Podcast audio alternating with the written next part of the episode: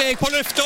Mikrofon og alt har gått til balalaika. Da er det Balalaika med Alf Henden i studio igjen, og vi ser på historiske hendelser i uke ti. Ja, og jeg begynner med to fødsler eh, av jenter. Eh, Vi skal komme tilbake til hvorfor. Eh, 1939. Lydia Skoblikova, russisk skøyteløper med to OL-gull i Skove Valley i 1960 og hele fire gull i OL i Innsbruck i 1964. Hun vant altså alle distansene. Eh, 1954. Marie Therese Nadeg, sveitsisk alpinist med OL-gull i utfor og Storsalom i Sapporo i 1972. Og Hun vant totalt 24 worldcuprenn, og i 1981 så vant hun òg worldcup eh, sammenlagt. To sportslige damefødsler i dag, altså. Jentefødsler. Og eh, hendelser internasjonalt. Du skjønner det. 1910. Den internasjonale kvinnedagen blir innstifta etter initiativ fra Klara Zetkin. Det var jo 8. mars eh, kvinnedag, dette her. Og Klara Zetkin hun var tysk marxist, kommunist og kvinnesaksforkjemper.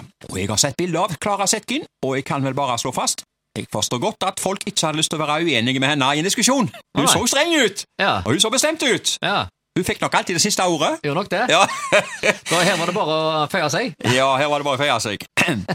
Klara Zetkin, du. 1975. FN erklærer 8. mars som den internasjonale kvinnedagen. Ja, det er den vi- er snakker om her nå. Hvilket årstall var det? Det var 1975. Ok, Så det begynte i 75. Ja, så Det begynte jo egentlig i 1910, da, med hun eh, Klara Zetkin. Uh, hun var en forløper til det. Og så Ja. eh, 1975 så kom hele. FN og erklærte det som uh, internasjonal kvinnedag. Ja.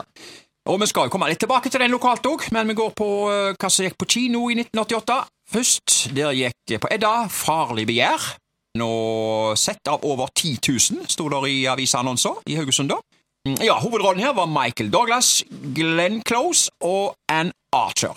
Det var en voksenfilm. Og Så gikk filmen Et rop om frihet. Det var en film med 15-årsgrensa med Kevin Klein, Penelope Wilton og Dancel Washington i hovedrollene. Og så gikk det en film til på Edda, Dere får meg ikke gal. En voksenfilm der med Barbara Streisand og Richard Dreyfus. Det tror jeg har vært en komedie. Og på nattkino King Kong 2. Uh, der sto uh, under kinohallen så Han lever, og han er forbannet. Oh, ja. Det var vel uh, sjimpansen det, eller apen, eller hva det var for noe. Ja, ja, ja, sånn gigantgorilla, tror jeg. Gigantgorilla, ja. Ja, Det var, det var He's sånn. back and he's pissed. Ja, ja, ja. Ikke sant? Ja. Ja, ja, ja. Og så, 1977. Haugesunds Avis skrev 'Tynt demonstrasjonstog'. Det var tynt demonstrasjonstog. 8. mars-komiteen i Haugesund klarte å stable på beina.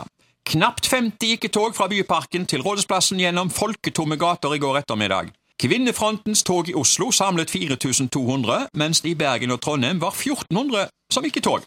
Ja, altså det var 1977, og likestilling hadde heva seg over husmorens rolle på 70-tallet. Eh, Det var for alvor begynt å snakke om likestilling i arbeidslivet, til og med. Eh, Men husmor var fremdeles eh, noe folk snakka om. Det var jo det å være hjemme og jobbe, mens ektemannen var på jobb og barna på skolen. Vi kan vel heller ikke si at husmor hadde hjemmekontor, siden hun jobba med å lage mat, vaske klær og stelle i huset. Eh, Hun var ubetalt. Husmora fikk aldri krona i lønn. Nei. Eh, prisgitt det som mannen tjente. Ja. Hun jobba gjerne like mye, hun som mannen. Oh, ja. Og vel så det. Nok om det. Eh, Det vil si, eh, disse demonstrasjonstogene, da, de eh, har ikke alltid samla så mye folk i gatene. Det har ikke det, nei? Nei, de har jo eh, vært eh, mer in interessant i avisspaltene og den type ting, men i gatene så har det vært stort sett tynt i rekkene. Ja. Um, 1. mai-togene var vel òg lenger ja, før i de Ja, jo har jo vært tynne opp gjennom året, men det har det vært litt mer opp og ned. Eh, jeg føler at uh, disse her eh, 8. mars-togene de har, eh, de har ikke vært særlig uh, Kan ikke si bemanna heller. Bekvinna. Nei, nei, nei. Nei, nei. men det, altså, Vi er ekstremt gode på eh, tog på 17. mai, iallfall. Ja, jeg er med. Og en ting til. Vi er òg ekstremt eh, flinke på tøffe tog.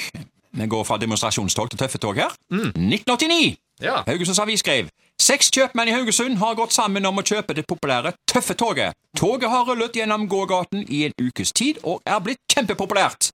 Ja, jeg husker jo det der lille lokomotivet Tøffe fra barne-TV på 60- og 70-tallet. Og mm. navnet Snillesen dukka opp i hodet mitt. Usikker på om han var lokomotivføreren eller dirigenten av koret. Mm. men øh, Snillesen var den første som dukka opp i hodet mitt når jeg tenkte på Tøffe.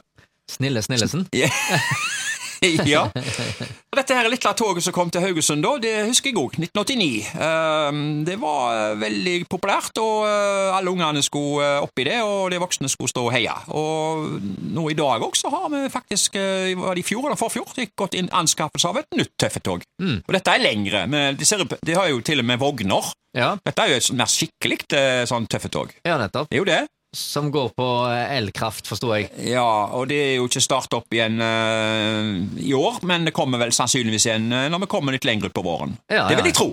Oh, ja. Og det har sine faste løyper, så det går. Ja. Uh, som det holder seg innenfor Haugesunds grenser. Det Jo, tror det gjør nok det. Ja. Begrenser hvor langt et sånt batteri rekker, vil jeg tro. Ja, det vil jeg òg tro. Men altså, tøffe tog har vært mer populært enn demonstrasjonstog. Ja, det, har Det kan det. vel si. I Haugesund. Ja. Da er det bare én ting å spørre om. Ja. Tøffe tog i Haugesund! Ja. Hot or not? Ja, det er hot. Det er hot.